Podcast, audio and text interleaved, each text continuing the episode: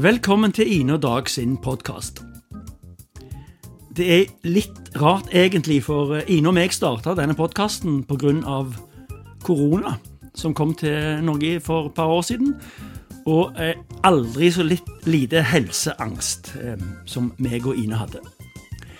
Og nå har altså Ine fått korona. Men det er ingen grunn til panikk. Eh, vår kjære Ine har det helt fint og føler seg frisk men hun må altså være hjemme. Men the show must go on. Dette blir en helt spesiell episode, og jeg tror han er verd å høre på. Du skal få møte Khatere Ibrahimi. Hun er en jente som kom til Norge som flyktning i 2011. Hun og mange andre har reagert sterkt på at Taliban fikk komme til Norge nå for en halvannen uke siden, og um, hun var framme i en stor artikkel i Aftenbladet eh, rett etterpå det. Så vi inviterte henne for å høre mer, og nå er hun altså her. Vi skal også snakke med Christian Jepsen, som jobber for Flyktninghjelpen, og som var i Afghanistan i forrige uke. Og vi har fått han til å si litt om hvordan situasjonen er for sivilbefolkningen i Afghanistan akkurat nå.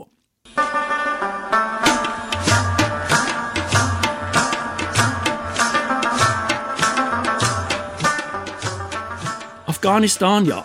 Hva, hva, var det nå som skjedde der? Det var veldig stor oppmerksomhet da Taliban tok makten i eh, landet i fjor. Men så forsvant dette fokuset, og vi flytta oppmerksomheten vår over på andre ting, sånn som vi alltid pleier å gjøre. Vår gjest Khatire kommer fra regionen Yaguri, som ligger sørvest for Kabul. Hun tilhører minoritetsgruppen hazar-folket, som har blitt utsatt for forfølgelse og undertrykkelse i en årrekke. Jeg har tenkt å begynne litt med å si litt om Afghanistan. Om historien, og ha det som et lite bakteppe. Så hvis du hater historie, eh, så kan du godt bare spole fram eh, litt og gå direkte til samtalen med Khatire.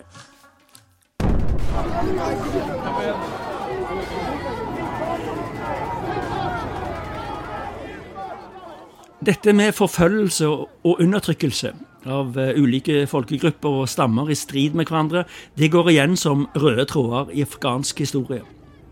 Dette er et land som så å si aldri har fått blomstre og gi befolkningen fred. Dette til tross så har landet gitt store bidrag til verdens kulturarv. En arv som nå er sterkt trua pga. Taliban. Afghanistan, eller Det islamske emiratet Afghanistan, som det heter nå offisielt, det er et landlåst land som ligger mellom Sentral- og Sør-Asia. Det grenser til Pakistan i øst og sør, Iran i vest, Turkmenistan og Usbekistan i nord og Tadsjikistan og Kina i nordøst.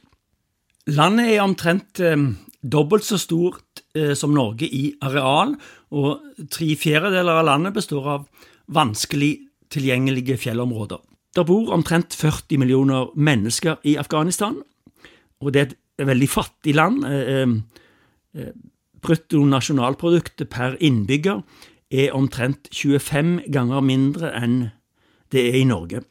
Religion er ganske enkelt. Det er 99,7% islam og 0,3% andre.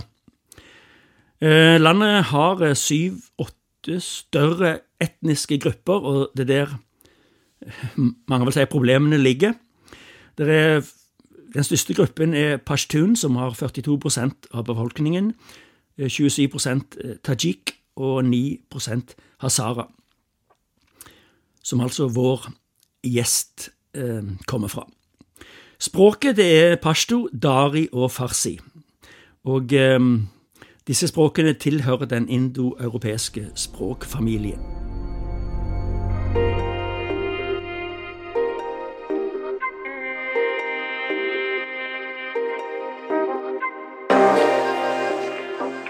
Afghanistan, som betyr afghanernes land, var i sin tid et eh, slags midtpunkt på Silkeveien og for migrasjon.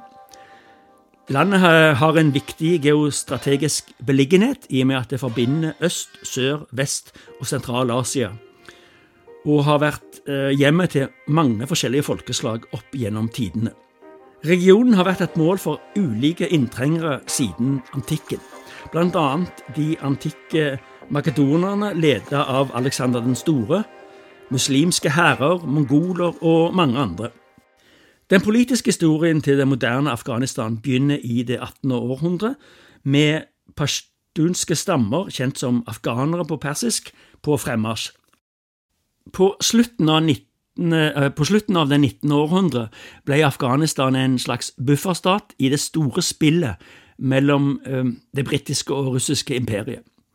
I 1919, etter den tredje anglo-afghanske krigen, oppnådde landet full uavhengighet fra Storbritannia. Etter denne uavhengigheten og fram til opprettelsen av republikken Afghanistan i 1973 ble landet styrt som et monarki, med stadige maktskifter og turbulente omveltninger. Kong Sahir sa satt imidlertid sammenhengende med makten fra 1933. Men i 1973 ble han òg styrta med et kupp. Fra 1973 til 1978 var Afghanistan republikk med Mohammed Daoud Khan som president. Han innførte en rekke moderniseringer. Uh, hvis du googler Afghanistan på 70-tallet, så vil du finne en masse bilder av moderne kvinner i korte skjørt og med flagrende hår. Det er nesten som å se ei gate i Paris eller, eller i London. Men i dag så har kvinner knapt nok lov å gå i gatene alene.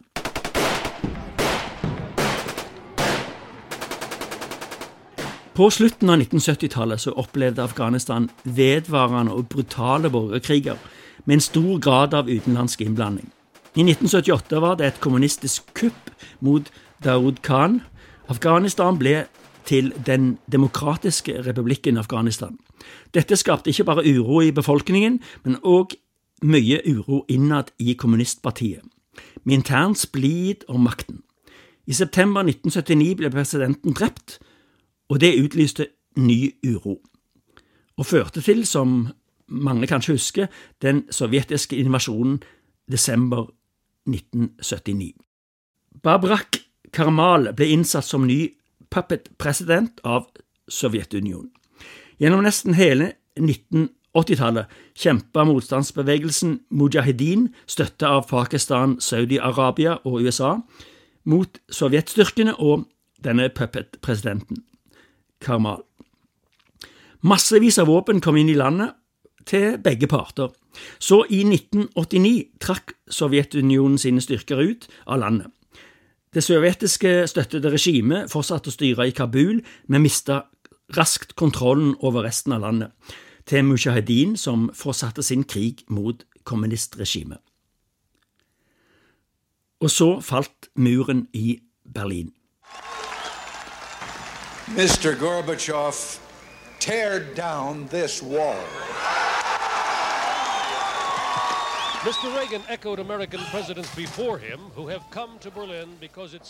Da Sovjetunionen brøt sammen, hadde ikke regjeringen lenger noen å støtte seg til. Og I april 1992 ble Kabul inntatt, og kommunistregimet ble styrta. Mujahedin innsatte Burnaduddin Rabbani som president, men Mujahedin var egentlig en ganske løs samling av masse forskjellige undergrupper. De forskjellige eh, mujahedin-grupperingene med base i hver sin del av landet begynte straks å kjempe mot hverandre om makten. Borgerkrigen fortsatte, denne gangen gruppe mot gruppe. 1994 oppsto den fundamentalistiske islamske bevegelsen Taliban, som er en reaksjon mot den nye borgerkrigen. De tok eh, ganske raskt kontroll over tre fjerdedeler av landet og hovedstaden Kabul i 1996. De innførte en radikal tolkning av islam og styrte landet etter sharia. Afghanistan ble et lukka land, kvinner mista alle rettigheter og måtte bruke burka, mennene ble påbudt å gå med skjegg, bønnetiden ble strengt overholdt, det var offentlig halshugging for brudd på sharia, og all vestlig teknologi ble forbudt. I mars 2001 ble den 53 meter høye Buddha-statuen som hadde stått i Bamiyan siden før muslimsk tid og sto på verdensarvlisten, den ble sprengt i biter av Taliban fordi de mente den var blasfemisk. Hele veien møtte Taliban motstand fra Nordalliansen i en stadig mindre del av landet som Taliban ikke kontrollerte. Taliban klarte å drepe alliansens populære leder Ahmed Shah Massoud i et spektakul spektakulært terrorangrep 9.9.2001, noe som var et veldig hardt slag mot Nordalliansen. Så, to dager seinere, kom 11. september. Jim, just a few moments ago, something uh, believed to be a plane crashed into the south tower of the World Trade Center. I just saw flames inside. You can see the smoke uh, coming out of the uh, of the tower. We have no idea what it was. It was a tremendous boom just a few moments ago. You can hear. What are those people going to do? All, all the elevators are blocked out. Oh my god. So both towers are now.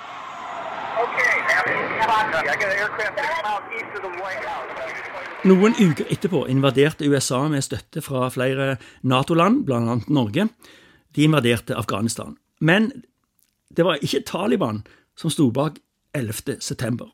Men Taliban-regimet nekta å utlevere Osama bin Laden, leder av Al Qaida, som var hoveds, hovedmistenkt for terrorangrepet i New York. Krigen mot terror var i gang. Nato lyktes raskt i samarbeid med Nordalliansen å okkupere landet og styrte regimet. For en stund ble Taliban midlertidig kraftig svekka, men bygget, de bygga seg opp igjen og førte geriljakrig i samarbeid med andre radikale islamistgrupper. Så, i august i fjor, innleda Taliban en stor offensiv, der de på kort tid erobra stadig flere av landets provinser. Den 15. august i fjor inntok Taliban hovedstaden Kabul.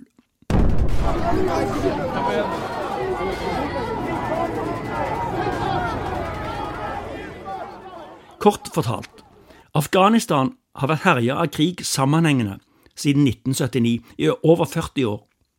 Mange fra dette krigsherja landet har flykta. I Norge i dag bor det omtrent 21 000 afghanere.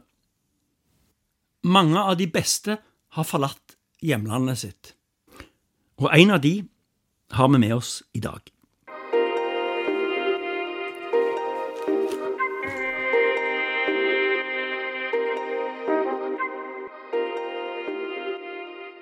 Velkommen til deg, Katira. Eh, takk. Eh, ja, du heter Katira, men det er vel, det er en, det er vel et um, fornorska versjon av navnet ditt, egentlig? er det ikke Ja, det? ja, da jeg flytta til Norge for eh, elleve år siden, så eh, var det veldig vanskelig for de norske å uttale navnet mitt. så måtte jeg finne en norsk versjon av det, og det ble Katira. Og det har blitt Katira frem til i dag, og det blir mest sannsynlig for resten av livet. Men, men hva uh, Si det, på, si det på sånn som det skal sies. Khatire. Khatire. Ja, stemmer det. Jeg har til og med øvd meg, det er ikke så lett. Men du kom altså til Norge eh, sammen med familien for elleve år siden. Ja, eh, som flyktninger pga. situasjonen i Afghanistan. stemmer det. Og da flytta dere til Østlandet. Ja, jeg er eh, vokst opp i en liten øy, Tjøme. Tjøme? Ja, eh, det ligger eh, utenfor Tønsberg. Eh, Der har jeg bodd i frem til 2018. Og så flytta jeg til Stavanger for å studere. Så det er derfor jeg er i Stavanger nå. Hva, hva, hva, er hva er det du studerer? Jeg tar en master i teknisk samfunnssikkerhet nå, men jeg har en bachelor i byggingeniør, byplanlegging. Eh, og ja. Ehm, driver du, har du noen hobbyer? Eh, Driver du med noe i tillegg til studiene? Nei, ikke enn at jeg henger med venner. Og i det, nå i det siste så har jeg blitt mer interessert i ikke politikk, men interessert i situasjonen i Afghanistan. Det har fått meg til å bli mer interessert i å se hvordan politikken fungerer. da. For uh, måten, situasjonen i Afghanistan er veldig urettferdig, og da har jeg blitt litt mer interessert i det og prøver å følge med på det. da. Det var jo ganske, ganske stor fokus på Afghanistan i fjor høst. Ja. I forbindelse med at Taliban egentlig spiste opp hele landet. Uh, og, og hvordan, hvordan, var det for deg? Det var faktisk veldig tøft. Uh, jeg var jo der i sommer, i fjor sommer. Og kom hjem i august, uka før landet ble overtatt. Mm. Så for meg så har det vært veldig tøft hele høst i fjor, og til og med nå. Jeg har jo slett veldig mye mentalt. Så det har vært veldig tunge perioder. Mm. Jeg tenker, jeg tenker masse på familien min. Jeg tenker på onkelen min som har bare fire døtre.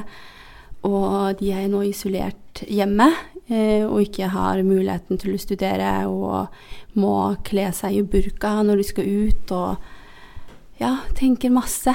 Har... For når du var der i, i sommer, da, da måtte du på med burka? Ja. Ja. Stemmer det. Ikke i, ikke i, Kabul og de stedene, men når jeg skulle eh, For jeg er jo vokst opp i et by, landsby som ligger i Jagori, distriktet Jagori. Og det er jo i østlige delen av Afghanistan. Uh, og da jeg skulle besøke det området, så var jo ikke det tatt ennå. men området jeg skulle kjøre gjennom, da, det var jo tatt av Taliban. Og da måtte jeg kle meg i burka for å ikke bli tatt av de, da. Mm. Så det, eh, da, da, du var der nå i sommer, så var det jo rett før ja. eh, Taliban tok eh, Kabul og, og, og alt. Eh, så har det skjedd veldig mye. Og jeg har prata med en som heter Christian Jepsen i Flyktninghjelpen Hjelpen, yeah. som var i Kabul i forrige uke. Og um, kanskje vi skal bare høre litt på en prat jeg hadde med han om situasjonen i Kabul og i Afghanistan akkurat nå. Ja, ok. Christian Jepsen, du er en del av Flyktninghjelpen, som hjelper flyktninger i, på mange forskjellige steder rundt i verden. For tiden så er du i Kenya, men for ikke så lenge siden så var du i Afghanistan. Kan du gi et lite bilde av situasjonen for sivilbefolkningen i Afghanistan akkurat nå? Uh, ja, takk. Uh, situasjonen i Afghanistan den er veldig dårlig. Uh, den er dårligere enn den har vært i mange, mange år. folk de sulter. Det er over halvdelen av befolkningen på nesten 40 millioner der sulter. så det betyder, at de ikke får de måltider de skal ha hver dag. Og for nogle familier, dem der er værst ramt, så betyder det, at de øh, ofte slet ingen mat får i løbet af dagen. Og de værst ramte, det er dem, der er internt fordrevne, og dem er der millioner af rundt i landet. Og dem, der har det værst, de bor i, i telte af tyndt stof. Øh, og lige nu, der er der kold vinter i, i Afghanistan. I Kabul, da jeg var der for halvanden uge siden, der var der øh, minus 15 om natten. Så det var koldt der, hvor jeg sov. Men for de, der bor i, i de her telte, øh, der, der er det næsten ikke til at holde ud. Så, øh, ja, så det, er, det er en veldig alvorlig situation, vi har akkurat nå. Øh, er det sånn at det er mange interne flyktninger i Afghanistan som har flykta fra sitt område til et annet område? Øh, ja, altså der har jo vært krig i, i, i ikke bare de siste 20 år, men uh, de siste 40 år. Så det har fordrevet øh, mennesker rundt i hele landet i årtier. Så bare sidste år, inden Taliban de øh, tog magten, der ble det fordrevet 700.000 mennesker i Afghanistan. Så det vil si de første halvdel av sidste år. Så mange de er returnert til der, hvor de kom fra, men mange de har ikke mulighed for at returnere. For vi har en, en, en, en vældig alvorlig situation på mange områder. Øh, vi har en alvorlig tørke, Øh, Afghanistan har vært ramt av den værste tørke i 30 år, samtidig med den her situation, der er nu. Men lige nu, der er det mest alvorlige, det er, at økonomien er stort set brudt sammen. Omverdenen har jo stort set kottet forbindelsen til Afghanistan. Der er simpelthen ingen penge, der kommer ind. Bankerne fungerer stort set ikke. Du kan få, øh, hvis du er heldig nok til at have en konto, kan du få øh, få penge ud. Men mange får ikke betalt løn, og der er ingen, der betaler penge ind i bankerne. Så banksystemet det er på grænsen til at bryde sammen. og det samme med Nationalbanken. Så det betyder, at flygtningehjælpen, som jeg jobber for, vi kan simpelthen ikke få penge ind i landet til at udføre projekter. Øh, vi får ganske få penge ind via forskellige kanaler, øh, som ikke er særlig øh, øh, fremtidssikret. Altså det er, det er ikke noget, der er holdbart i længden. Mm. Så altså indtil man får økonomien på ret kurs igen, så er Afghanistan i en ekstremt alvorlig situation. Øh, de som nå har makten, er jo Taliban. De tok jo over i fjor. Og hvordan tar de imot dere? Er, er, hva, hva innstilling har de til, til f.eks. Flyktninghjelpen? Så altså, vi har jo altid haft haft kontakt til Taliban eller de andre grupper, der kontrollerer områder. Altså det er den måde, som en neutral organisation som Flygtninghjælpen opererer på. For at nå de mennesker, der har brug for hjælp, så må vi tale med dem, der har kontrollen i de områder. Og Taliban har haft kontrollen i mange områder øh, i Afghanistan i mange år. Så på den måde har vi haft kontakt og øh, indirekte eller direkte øh, fået lov at jobbe der, hvor vi, vi jobber. Øh, den måde, vi fungerer på, det er, at vi har øh, de lokale øh, communities eller ja, samfund, landsbyer. Øh, det er dem, der, der ligesom skal garantere, at vi er velkomne og sikre Øhm, så det er den måde, vi opererer på rundt i landet. Øhm, generelt set så har øh, Taliban siden de tog magten bedt flygtningehjælp og andre organisationer om at blive og hjælpe med at og øh, hjælpe de mennesker, der har brug for, for det. Så, Dere får ikke så, øh, ind, altså. Det, det må jo være et veldig stort problem. Det er et ekstremt stort problem. Som et eksempel, så har vi øh, øh, lige udført det, vi kalder et øh, vinterprojekt, hvor vi har øh, øh, delt øh, øh, tæpper og øh, køkkenudstyr og øh, varmt, varme klæder øh, til dem, der har mest brug for det. De ting har vi simpelthen ikke haft penge til at købe, øh, som vi plejer i, øh, i Afghanistan. Så det har vi måttet importere fra Pakistan, og dermed så støtter vi jo ikke den lokale økonomi. Mm. Så det er absolut en nødløsning. Mm. Øhm, og det er fordi, vi simpelthen ikke får, altså vi, vi får små drøb af, af penge ind via forskellige kanaler, men vi er nødt til at have de her banker til at fungere igen, så der kan overføres penge, men sanktionerne gør simpelthen, at der ikke kan overføres penge, øh, ligesom man plejer at gøre, ligesom man, man gør på vanlig vis. Men det er vel øh, det internationale samfund, som har, som har låst den muligheden øh, som en slags sanktion mot Taliban? Ja, akkurat. Og det er det, der de, de har jo masse penger, men, de, men de, får ikke, de får ikke tak i det. Lige præcis. Der, der er penge nok øh, til Afghanistan til, at man kommer ligesom, igennem vinteren med at tage øh, hjælper dem, der er værst ramt. Det er, det er ikke det, der er det største problem. Det største problem det er at få pengene ind i landet, der hvor der er brug for dem. Mm. Fordi altså, vi, vi kan ikke udføre noget uden at, at have øh, tilgang til de penge, der er brug for. Øh, vi, vi kan knap nok holde vores operationer kørende, og vi har øh, med at betale vores ansatte løn og så videre. Så indtil vi får løst det problem, så, så er vi slet ikke op på den aktivitetsniveau, vi var før øh, sanktionerne kom på plads. Samtidig som det er vanskelig få penger inn i landet, så er det jo veldig vanskelig for folk å komme seg ut av landet. Det er jo mange øh, fremdeles som prøver å komme seg ut av Afghanistan. Hvordan er situasjonen for de? Ja, altså der er øh, tusindvis af mennesker, der, øh, der, der kommer så ud hver dag via øh, forskellige, øh, det er øh, umiddelbart øh, oftest de uoffisielle grænseovergange. Øh, så altså der, men, men mennesker kommer øh, både den ene og den anden vei. Er det helt håpløst, eller er det et, er det et håp om at det, vil bli bra, eller er det noe, noe å se frem til i Afghanistan? Altså Den positive nyhet akkurat nå, det er at, øh, at der er mer fredeligt, der er mindre krig enn det har vært i de siste to årtier.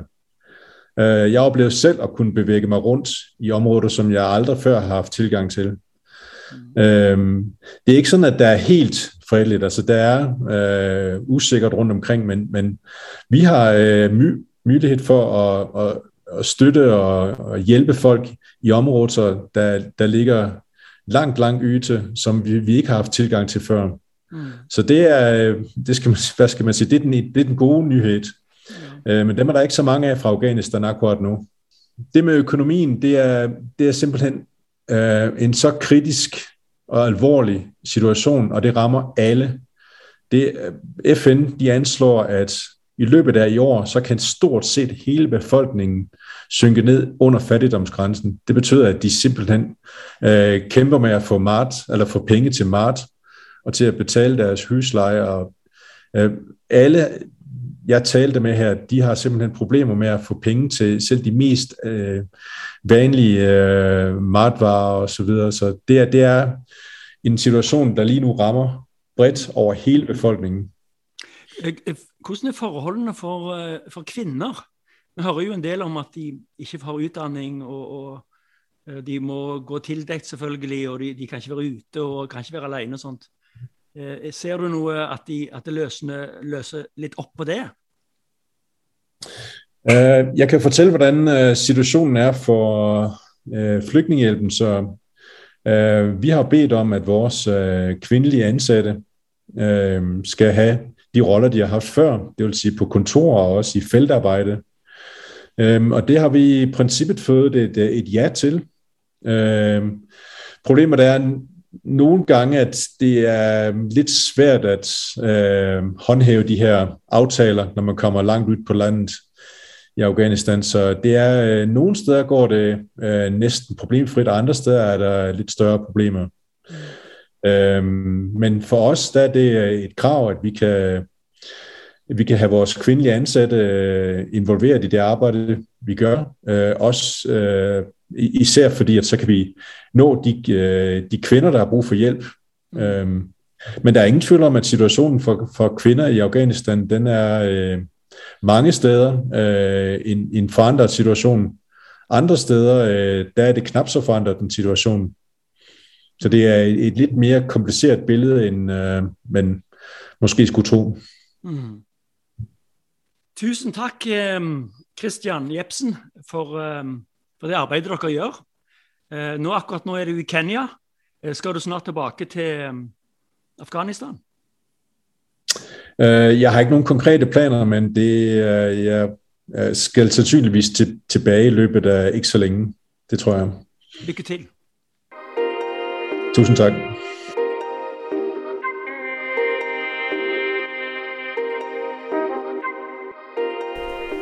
Ja vel, Katira. Hva, hva, hvordan opplever du dette? Det er 16 minusgrader om nettene, og, og du har slektninger der, og, og folk har ikke mat.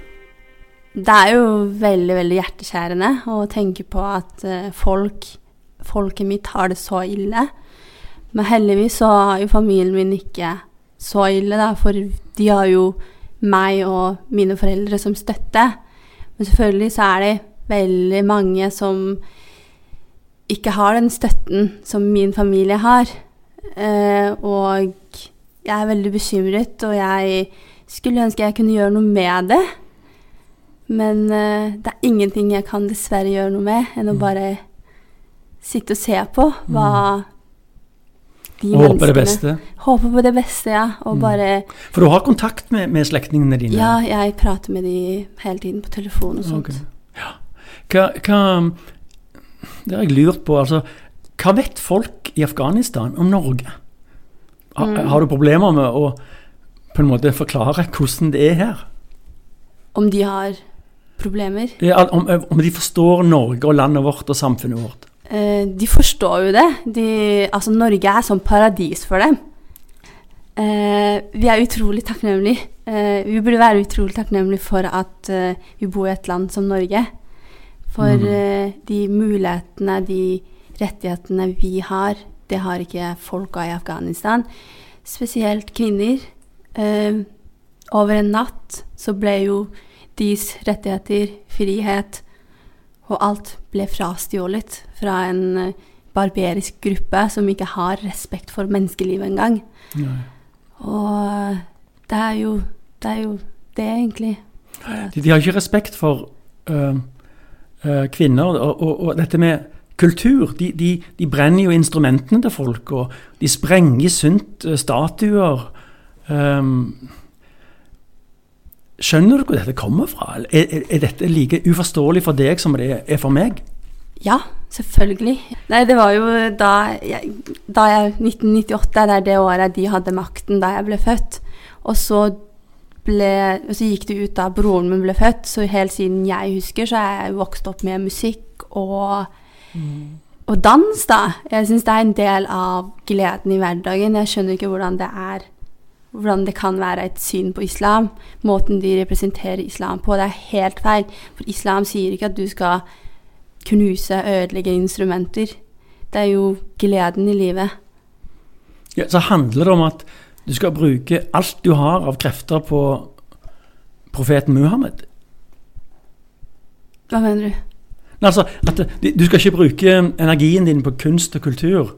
Du Men skal, du skal bruke det på religionen? Ja, bare, det er feil. Det er jo noe de har kommet selv på. Det er, noe ja. de, det er jo noe de tenker. Det er mm. synspunktet deres, mm. Islam sin. Ja. Jeg, jeg, jeg googla Afghanistan mm -hmm. 70-tallet. Ja. Og så så jeg bildene som kom. Og det var utrolig å se på. Ja. Altså, folk gikk og Det var omtrent som å se en, en bilder fra London eller Paris. Ja. Veldig flotte damer med kjoler og skjørt og, og, langt hår og Som ler. Ja, som ler. Og smiler. Ja, som ler og smiler. Så uh, har, har, noen av slektningene dine snakka med deg om hvordan de har opplevd denne transformasjonen fra et normalt samfunn til denne eh, rare systemet dere er i dag? Nei, jeg har egentlig ikke kontakt med de som har bodd i den tiden der. Mm. Men når jeg selv ser på det eh, Jeg så jo på den dokumentaren som VG, NRK hadde laget. Jeg, jeg blir så lei meg. Jeg, mm. Du vet, det gjør så vondt av å tenke på at landet mitt går fra det stedet til å dekke seg. Kvinner blir ikke renet som mennesker engang. De må mm. De får ikke lov til å le. Alt blir frastjålet. Mm. Og du får ikke lov engang å drømme. Mm. Og det, det, er trist, det er hjerteskjærende. Og For det er jo folk i dag som er altså voksne folk som har vært med å huske hele denne utviklingen. Mm. Uh, det må jo være helt, helt rart. Mm, det er det. Å se landet sitt snud, bli snudd på hodet. Mm. Det å gå fra shorts til mm. burka til å bli mm. isolert hjemme, det er helt sykt. Ja. Um, du, grunnen til at vi egentlig, eller innom meg, da, fikk lyst til å prate med deg, det var jo at det var en artikkel med deg i avisen. Ja. Og eh, på bakgrunn av at Taliban ble invitert til Oslo for å eh, møte mm. Vesten kan ja. vi si. Um, og det reagerte du veldig sterkt på. Kan du si litt hva, hva du følte når, når, når, når, du så at Taliban var på vei til, til Oslo og, og, Norge? Ja, um, du vet da jeg flytt, fløy hjem tilbake til Norge i sommeren i fjor så var jeg skikkelig letta, for i hele sommer i fjor så var jeg på flukt. Jeg var ikke på tur, jeg var ikke på ferie, jeg var på mm. flukt. Mm. Jeg besøkte hjemlandsbyen min. Der ble det krig. Flykta tilbake til Kabul. Og så besøkte vi en av de store byene, Herat. Der ble det krig. Flykta igjen. Og så kom vi oss endelig hjem til Norge. Jeg satt på flyet hjem til Norge igjen. Jeg var sånn Endelig. Jeg kommer aldri til å se dem igjen. Jeg kommer aldri til å se de måten de ser på deg, måten de Jeg vil ikke si Jeg vil ikke kommentere på klesstilen, fordi jeg syns det, det, er en del av afghansk kultur, og jeg liker det. Men det er bare måten de oppfører seg. Mm. Jeg var sånn jeg, jeg, er kvitt dem. Jeg kommer aldri til å se dem igjen. Men så kommer det seks måneder, fem måneder etter, så ser jeg dem i Norge. Og det er veldig skuffende og sjokkerende. For jeg hadde ikke sett for meg at jeg skulle se dem i Norge. Mm. At de skulle komme seg til Norge. Mm. Det hadde jeg aldri sett for meg. Og jeg syns ikke det var veldig, veldig god idé av Norge å invitere de her. Nei. For de kunne, de kunne gjort det en av de eh, arabiske landene Mm. som du har. Der har det vært møter tidligere. Der kunne det gått. Men at Norge, av, av alle land, så er det Norge som bestemmer, å invitere, bestemmer seg for å invitere de her. Mm. Det syns jeg er litt skuffende. Og det viktigste av alt er at de bruker så mye penger. Privatfly. Hvorfor skal de fortjene det, og den sikkerheten, når sivile afghanere lider og sulter i Afghanistan? De pengene kunne de brukt på å sende til Afghanistan og hjelpe sivile. Ikke spandere en luksusferie for de terroristene. Ja, jeg la merke til Jeg så noen bilder av um, en av de som ble intervjua av, av um, NRK, var det vel. Ja. Og da hadde de noen helt vanvittige klokker på oppover. Ja, det er Så, det. så det, det så ikke ut som de hadde noe nød. Nei, de hadde ikke det. De er veldig rike selv. De har jo sikkert fancy hus i Dubai, Qatar og de stedene. Mm. Mens de er jo her for å egentlig for å få penger. Og de bryr seg ikke hvordan afghanske sivile har det. De bryr seg ikke.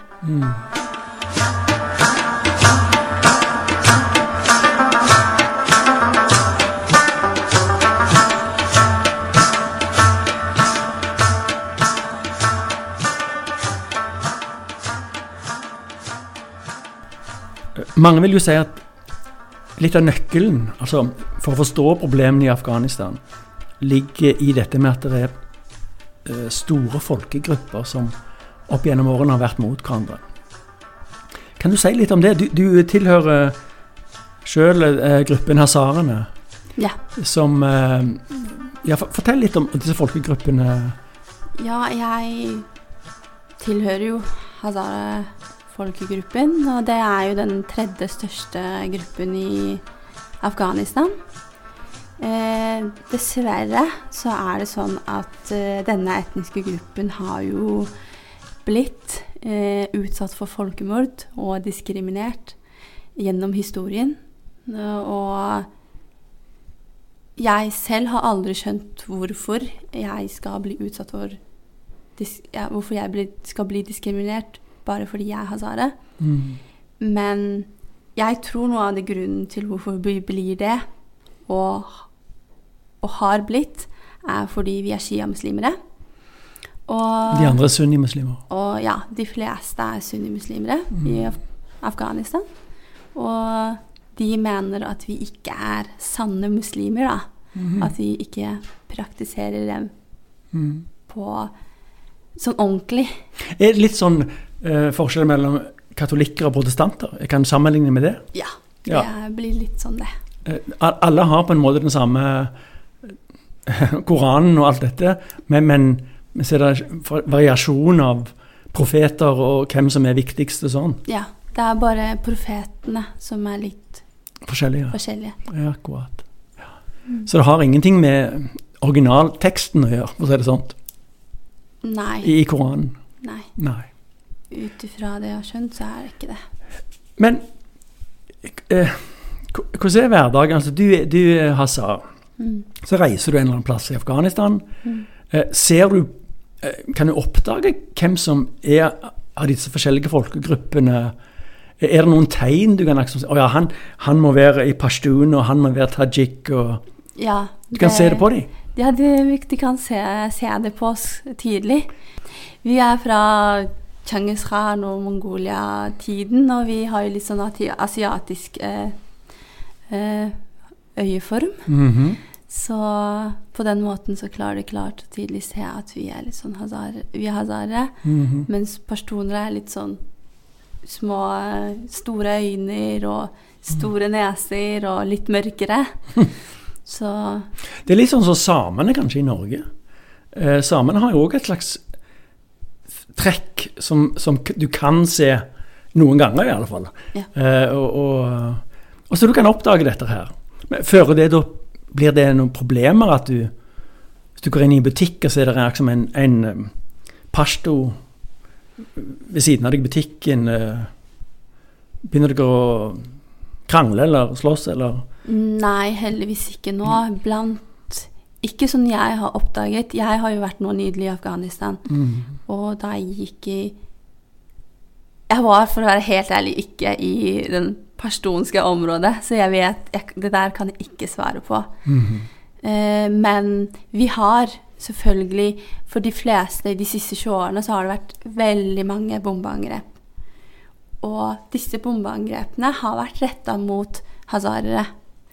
Og en av de bombeangrepene var jo på skolen til kusina mi. Og det er jo et Hazaria-område i Kabul. Så oftest så er det sånn at de planlegger ting, planlegger bomber i Hazara-området. Og, og så er det en ting til.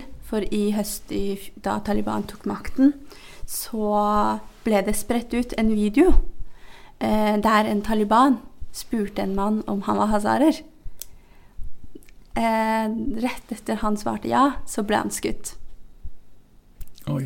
Så er jo spørsmålet her Hva med om han ikke hadde vært hazarer? Og så ble jo det selvfølgelig eh, provinsen Daikundi, det er jo et hazare-område. Der ble mange hazarere tvangslytta fordi de Taliban ville selv bo der. Undertrykkingen og, og forfølgelsen, forfølgelsen av, av din folkegruppe har jo strekker seg jo langt tilbake i tid. Ehm, faktisk altså, mer enn 100 år. Kan du si litt om det? Ja, eh, det begynte i 1800-tallet. Eh, da kongen Abdulrahman eh, bestemte seg for å bli kvitt hele folkegruppen hazarere. Og det er mye sterke historier som ligger der ute. Eh, men under den tiden der så ble ca. 60% av hazarere drept. Og så er det en historie som er veldig rørende, som mamma pleier å fortelle meg. Det, jo, det heter Kildoktaran. Det direkte oversettelse så er det 40 eh, jenter. Eh, og de jentene skulle bli eh, tatt og brukt til sexslaver, f.eks. Bli tvangsgifta til personere eh, og de andre folkegruppene. Men disse jentene ville jo ikke selvfølgelig bli gifta bort og bli brukt eh, som sexslave. Så rømte de og til opp til fjell, kastet seg ned og tok selvmord. Så det er jo noe av det sterkeste som er registrert i historien vår, da. Selvfølgelig så er det flere andre, men det er bare det mamma alltid pleier å fortelle meg.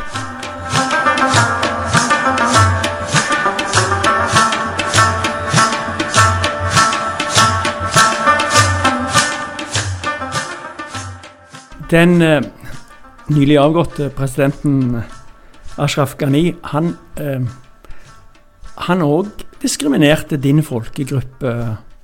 Eh, stemmer ikke det? Ikke sånn direkte, men indirekte så gjorde han det. F.eks. på universitetene så bestemte han seg for at uh, Hazarer fikk jo ikke det var, ikke det var en viss prosent av uh, hazarer som kunne komme seg inn på universitetet. Uh, søsken uh, Kusina mi, som ville studere medisin, hun fortalte meg at det var veldig mye konkurranse mellom hazarere. Fordi etter f.eks. 20% Det er bare 20 uh, av de studentene som skulle studere medisin. Det var bare så, så mange prosent kunne være Når du gir eksamen for å, gå til, for å komme deg inn til universitet, så er det, hvis jeg ikke tar feil, så er det 345 makspoenget. Så hvis Eh, en hazara har jo 200, eh, men prosenten er nok, så kan ikke de komme seg inn. Men en annen eh, fra en annen folkegruppe har 100. Han kan komme seg inn, fordi det er ikke nok av deres eh, prosent. Så Da diskriminerer en rett og slett på Ja, på, På- indirekte måte. Så Ja, det blir jo direkte diskriminering. Altså, Ja, hvis, hvis du ikke ja, kommer inn på universitetet, så føler du deg ganske diskriminert. Ja, ja. Det er jo, det er jo, det er jo noe ingen jeg, Til og med jeg hadde ikke Jeg visste jo ikke om det før jeg dro til Afghanistan og fikk høre det fra kusina mi. Okay. Og hun måtte jobbe dag og natt for å kunne komme seg inn på studiet med f.eks. høyeste poenget, men en annen kunne komme med 100. Og dette var presidenten fornøyd med. Ja, det bestemte han seg for. Litt tilbake til når du var i Afghanistan i sommer. Ja. Var det sånn at Var det dramatisk? Måtte dere liksom Var det sånn at det var slåssing rett i nærheten av dere, og, og problemer, eller? Vi forholdt oss for det meste i Kabul, og der var det rolig. Men da vi eh, var i Jauri, som jeg nevnte tidligere, eh, da de skulle angripe angrep landsbyen, distriktet, beklager, så eh, Så var det mye frykt. For det skulle Vi, vi kom oss vekk fra distriktet tidligere enn det det ble krig. Så det var jo Jeg føl, følte ikke sånn skikkelig dramatiske, men jeg følte f frykten av å bli tatt, frykten av å havne i krig. Jeg så jo dem. Jeg så dem stå foran bilen med eh, pistoler og eh, Ja. Så, bare blikket deres. Det er bare så skummelt å se på det. Det er bare så Jeg får frysninger av å egentlig tenke på dem hver gang eh, nå som jeg sitter hjemme i Norge. Jeg får frysninger. Jeg vil aldri møte dem igjen. Dette med kvinner Ja. eh, og de eh, eh, En av kravene som liksom, Norge og samfunnet kom med, at dere må gi kvinner eller jenter lov å gå på skolen. Og så sa de at nei, vi har ikke lærere. eh, og vi har ikke eh, kvinnelige lærere til, til å drive undervisning for, for jenter. Eh, tror du noe på dette? Tror du, tror du noen gang at, at forholdene for kvinner vil bli bedre? Nei. Nei. Jeg tror ikke på det. For eh, vi har jo erfart i de 20 årene, også eh, før det, før de hadde makten, eh, at de har null respekt for kvinner. Og det at de sier eh, at vi ikke har kvinnelige lærere, og det ikke funker, det er bare unnskyldning. De kommer aldri til å la kvinner dra igjen på jobb, og de kommer aldri la kvinner til å begynne på skolen igjen. Det er bare noe de ikke kommer til å akseptere at kvinner skal være en del av samfunnet. For dem så er vi kvinner født til å produsere barn, rett og slett, og eh, være hjemme og sørge de. Lage mat til de. Ja, mate de, ja. Mm, Mm. Så Og min, da jeg var i Afghanistan, da jeg bodde i Afghanistan, så ble jo min rektor drept eh, av at han var rektor for en jenteskole. Mm. Og i tillegg til det så har det vært flere bombeangrep i kvinnelige skoler, da. Hvordan Mm. kan de forandre seg så mye og igjen gi, rettighet, gi rettigheter til kvinner? Mm. Det er bare Det er, det er noe umulig. Det er Mm. jo Det har vi erfart i 20 år og de tidligere. Og, Mm. og når de ikke har Når de ikke lar instrumentene være, hvordan kan de gi kvinner Mm. rettigheter? Apropos instrumenter, det har eh, vært en god del videoer som legges ut nå om at de brenner instrumentene til musikere. Altså skikkelig gode musikere som, Ja. som blir banka opp, og så tar de instrumentene, og, og de må be om unnskyldning for at de driver med musikk. Uh, uh, hva kommer til å skje med det? Altså, et, et land kan jo ikke overleve uten kultur. Nei, det er det. Så, så uh, Ja. Hva, hva som kommer til å skje med Mm. musikken. ja. Eller Altså, alle de artistene som Afghanske artister, da, eh, som befant seg i Afghanistan, de flytta jo eh, i august. Mm. Så det er ingen afghanske artister der lenger. mm, Og det er jo trist. mm. For eh, som du sa, et land kan jo ikke Jeg har hørt at de gjemmer instrumentene nå. At det er blitt en svær greie å gjemme instrumenter. ja. Litt sånn som som selvfølgelig ikke du husker, for ikke jeg heller, for, for den saks skyld, men i, i krigen i Norge så gjemte de radioene. For tyskerne skulle ta fra de radioen. Mm, Uh, og, og det er jo liksom parallell. ja. Uh, at du akkurat du, du må gjemme det, for ellers så blir det tatt fra deg. Mm, Jeg syns det er helt idiotisk. Man kan jo fokusere på religion samtidig som høre på musikk og ha det gøy, da. Eh, mamma forteller jo litt av den tiden de hadde makten tidligere. Hun fortalte meg at eh, når hun skulle reise fra f.eks.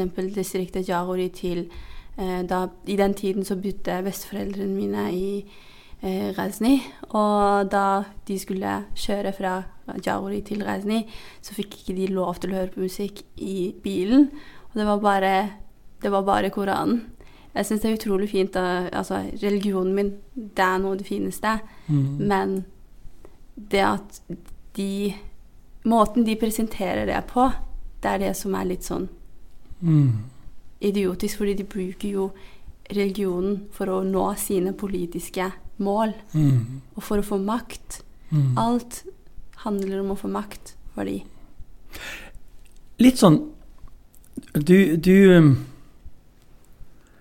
Du kom til Norge når du var eh, for så vidt 13. 13. Er akkurat blitt tenåring. Ja.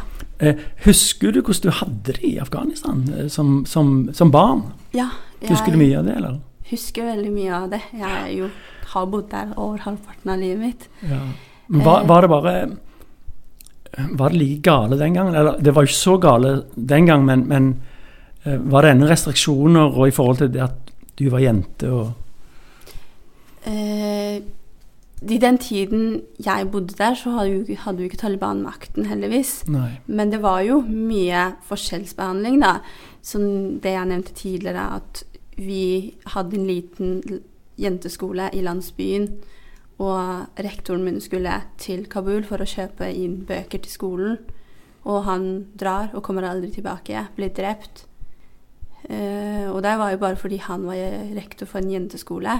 Og vi hadde alltid frykten av å møte på de da.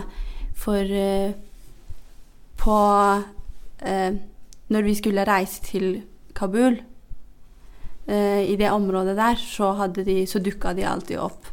De pleide å ta ut folk, de pleide å sjekke om de jobba for staten. Og de pleide alltid sjekke hvem som kjørte forbi, da. Og jobba du for staten, så var du død. Da kunne du ikke leve. Så jeg levde eh, ikke fint sånn sett, egentlig. Så du har litt av denne kri krigen under huden, på en måte? Ja, litt av det. Ja. For eh, jeg levde jo ikke i et fredland. Men samtidig Det var litt sånn usikkerhet på Eller jeg vet ikke helt hvilket ord jeg skal sette på det, egentlig. Ja, det, det er jo nesten ubeskrivelig. Ja, det Så- er jo det- det. Ja.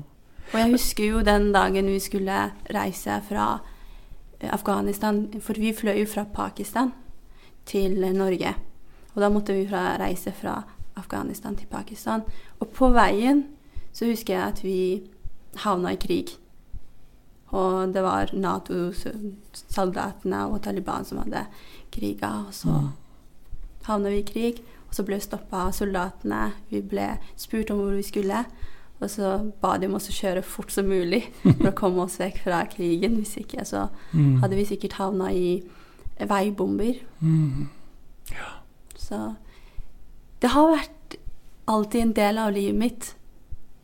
Ja. Og jeg er heldig som bor her nå, men jeg syns det er veldig urettferdig at jeg får lov til å leve det livet her, mens mine søskenbarn ikke får lov til å gjøre det. Føler du et litt sånn.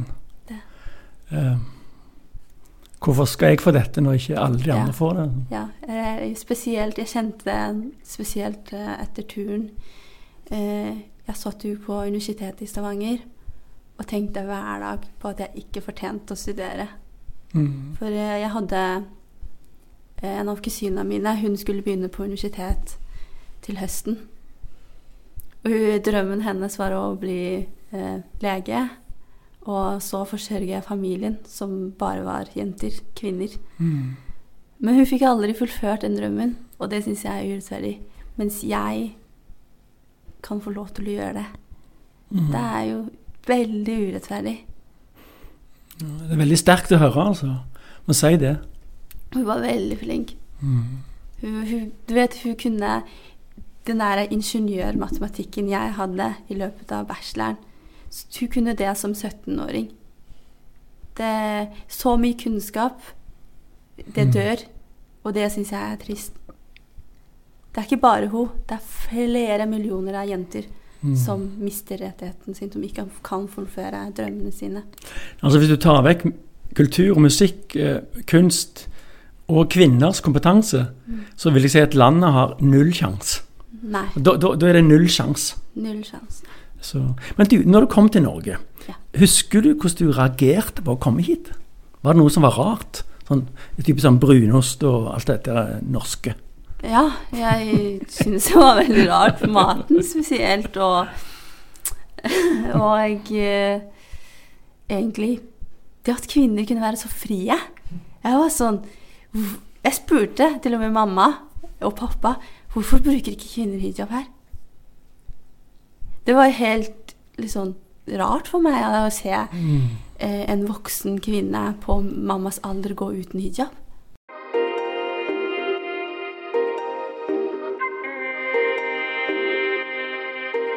I dag så er det jo mange som prøver å komme seg ut. Det- var jo stor eh, ståhei før de stengte flyplassen i Kabul i september. I dag prøver folk å komme seg ut, og de, de sniker seg jo ut over grensene. Du, du, eh, du sa før vi begynte på oppdraget at eh, fetteren din Ja. på 14 år Ja. klarte å stikke av eh, over til Iran. ja. Kan du fortelle om det? Ja, eh, for han var faktisk ikke den eneste som prøvde å stikke fra landet. Eh, det var flere av fetterne mine som prøvde. Men han Jeg visste ikke at han hadde kommet seg eh, til Iran. Men han, eh, fortalte, han ringte meg og fortalte at han er jo i Iran, og så spurte jeg hva, hvordan klarte han det. Han fortalte bare at han klarte å hoppe over gjerdet. men han ble jo kjøtt av politi, eh, iranske politi, da. Eh, og, men du vet, de tok jo den risken av å dø. Enten dø eller komme seg over. Kjørte de han tilbake til Pakistan?